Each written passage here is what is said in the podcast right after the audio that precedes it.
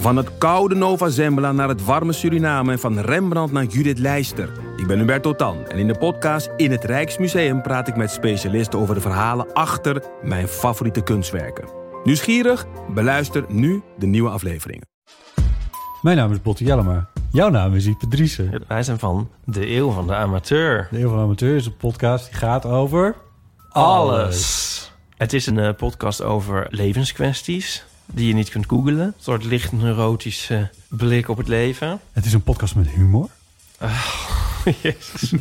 Kijk, een grapje. Die, die vragen durft te stellen en die je ook onbeantwoord durft te laten. Mooi. met een regenboogvlagje. Dat, dat noem je queerbot. Dat an- regenboogvlagje, dat klinkt echt als een soort... Eh, ik bedoel, iedereen is welkom. Kom ons luisteren in je favoriete podcast-app.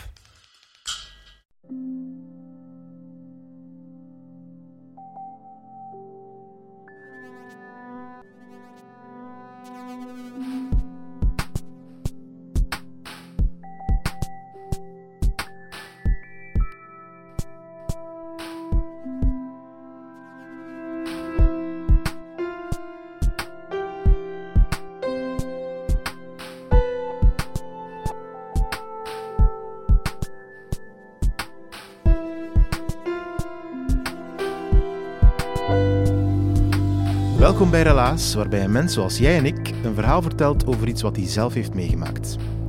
Deze keer vertelt Parsifal Nijt. En voor je denkt, lap, die aflevering heb ik al gehoord. Nee, Parsifal is nog eens teruggekomen, want hij was nog niet helemaal uitverteld.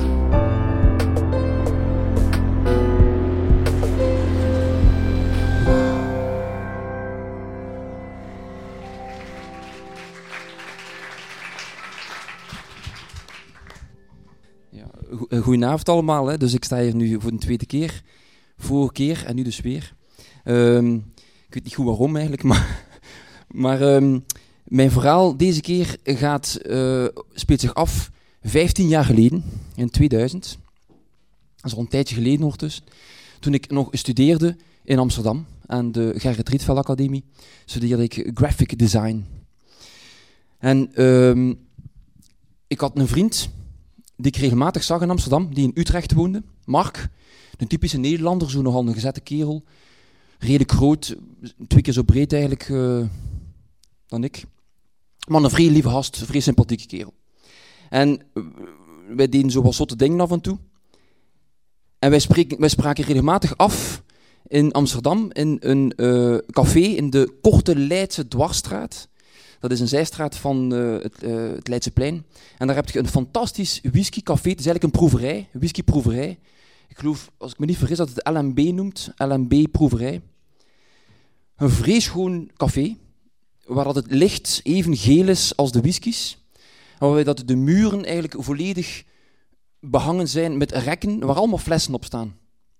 Zodat het oog ook iets heeft. En de kaart, de kaart in dat café is eigenlijk een boek, een boek vol met whiskies, dat je kunt eh, een half uur in bladeren.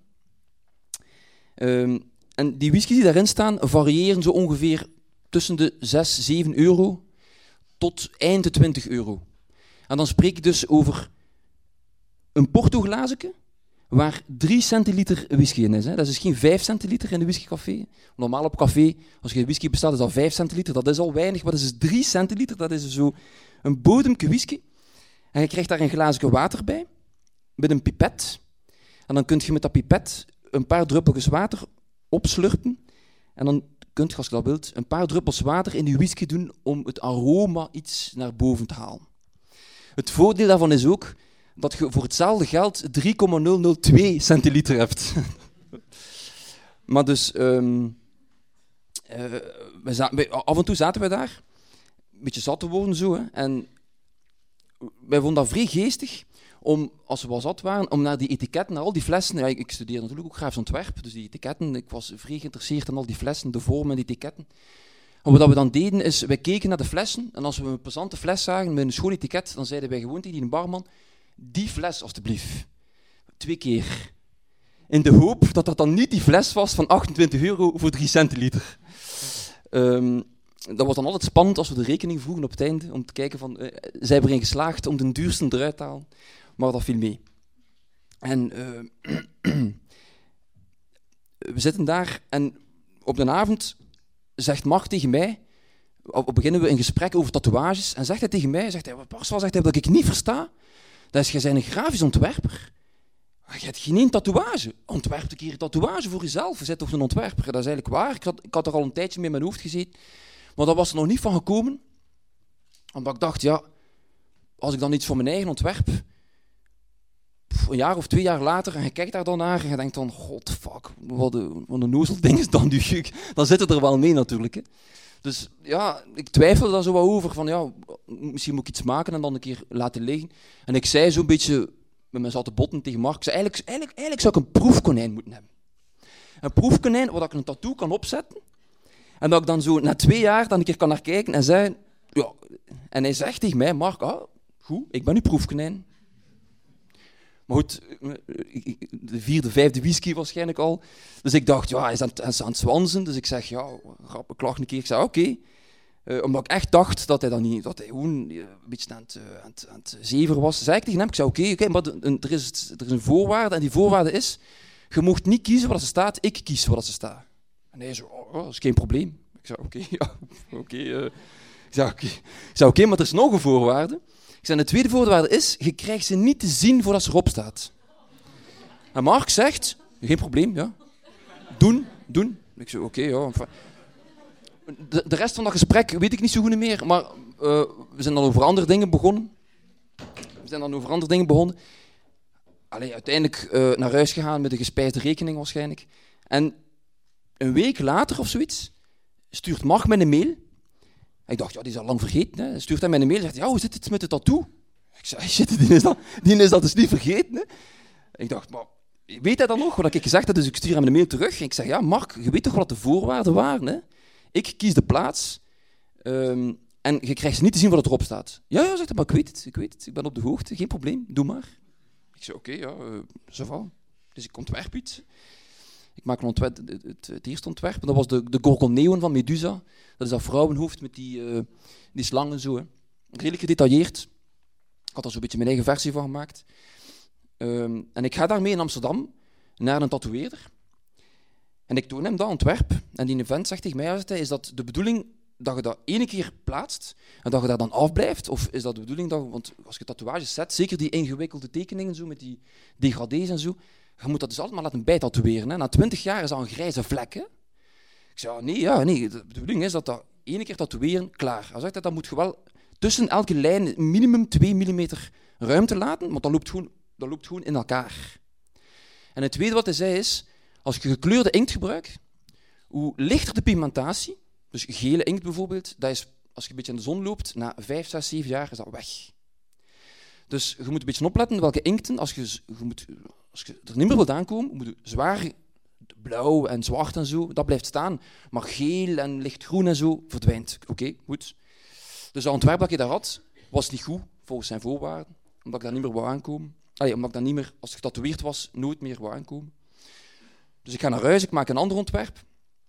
Dat uh, beter, uh, beter ging passen. En ik ga terug bij hem en ik zeg, kijk, is het nu beter? Het was een totaal iets anders. Is, dit, is het nu beter? Ja, dat is geen probleem. Dan kan ik eh, tatoeëren, klaar. En ik zeg tegen hem, ik zeg, maar er is wel nog iets dat ik nog moet zeggen. Ik zeg, kun jij al uw spiegels afplakken met krantpapier? Hij zo, ja, waarom? Maar ik zeg, ja, het is niet voor mij, het is voor een maat van mij. En hij mag dat niet zien voordat erop staat. En die gast wordt kwaad.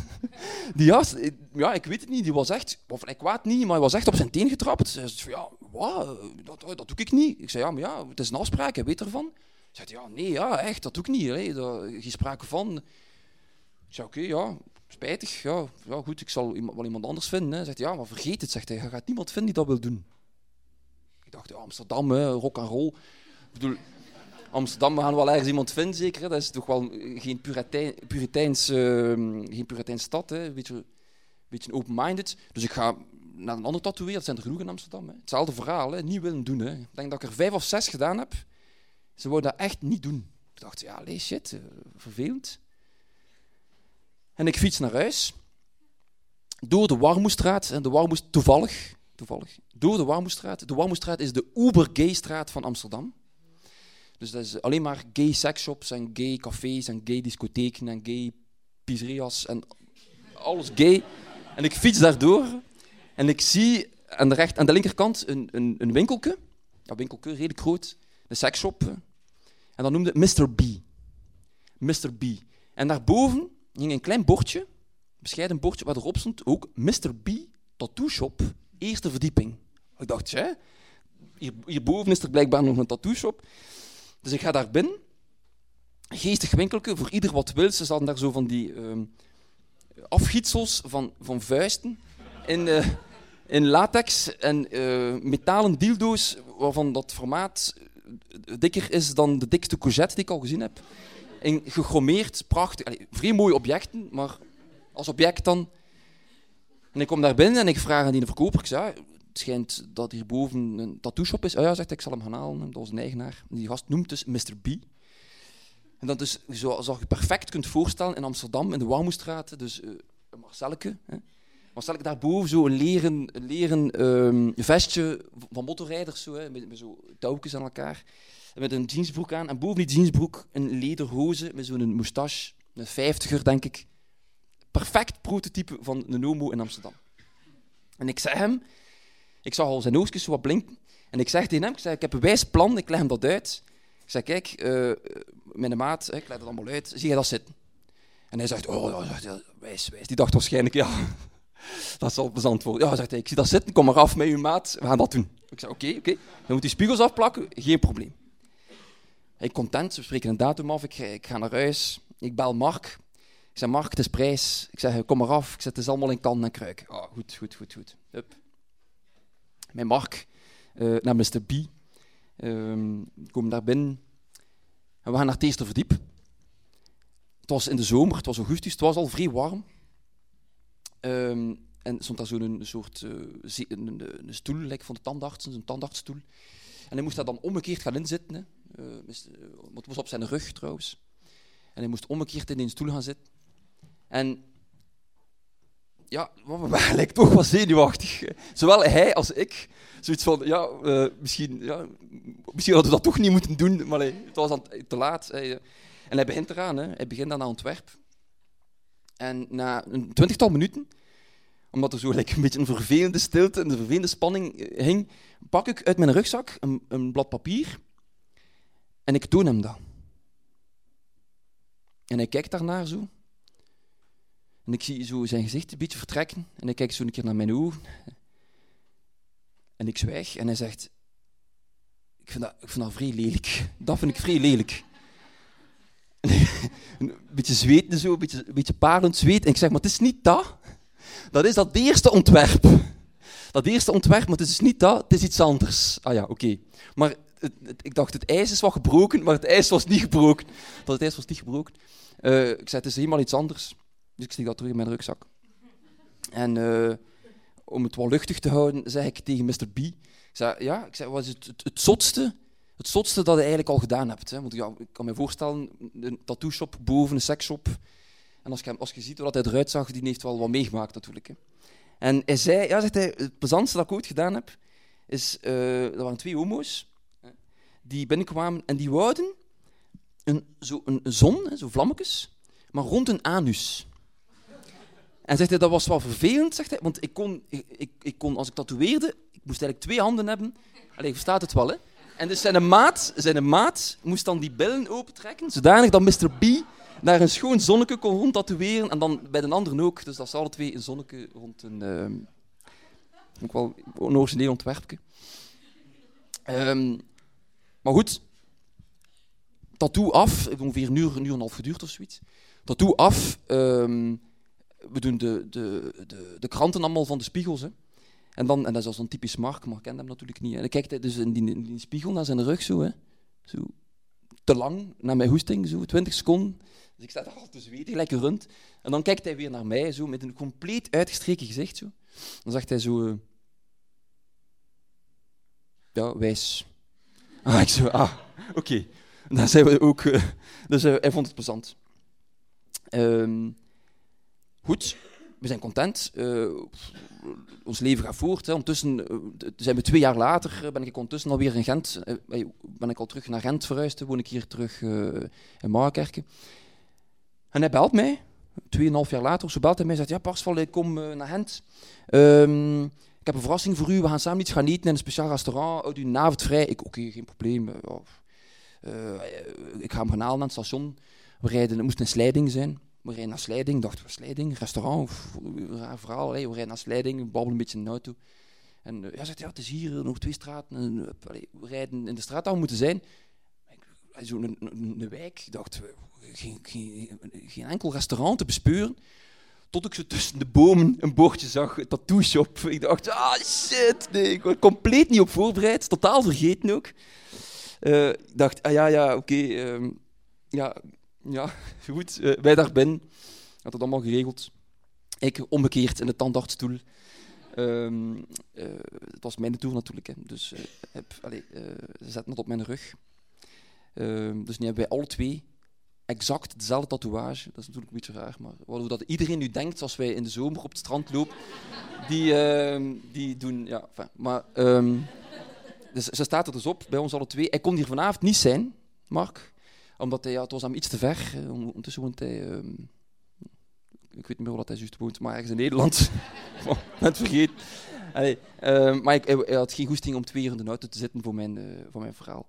Ja, vriendschap is ondertussen wat minder ook. Um, maar, maar zijn tattoo, wel, maar het is effectief, hè, is 15 jaar geleden. We wilden hem gezien. Ja, ja, kan ik het doen? Hij is al wat vervaagd.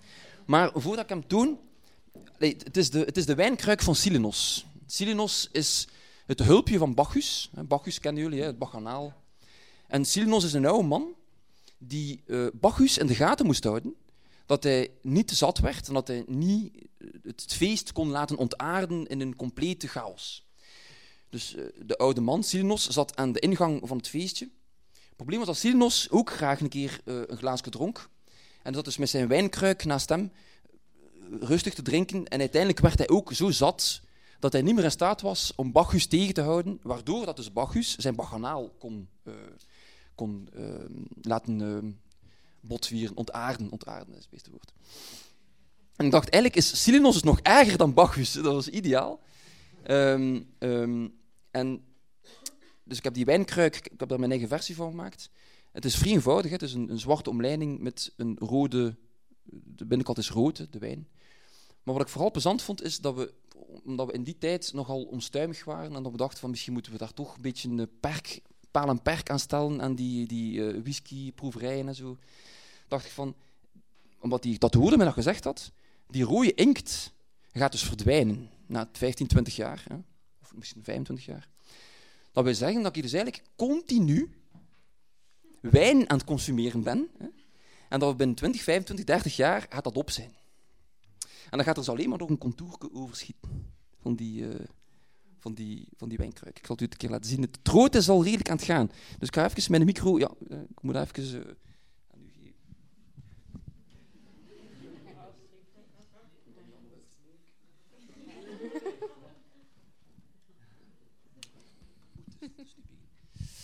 u kunt het, maar kunt het, het is donker, hè? kunt het een beetje zien? Ja, het is je natuurlijk ook onmiddellijk opgevallen dat de, de, de twee handvaten twee S'en zijn. SS van Silenos natuurlijk. Uh, en Mark heeft dus hetzelfde, maar bij hem is het dus nog iets feller van kleur, omdat hij het later gezet heeft. En dus ik hoop binnen 20 jaar dat ik hier nog een keer kan staan en dat het alleen nog de zwarte omleiding overschiet. Dat zou mooi zijn, hè? Dat mooi zijn. Uh, wat is nu de moraal van het verhaal? Ja. Ja, drink nog eentje, zou ik zeggen. Bedankt uh, voor het luisteren.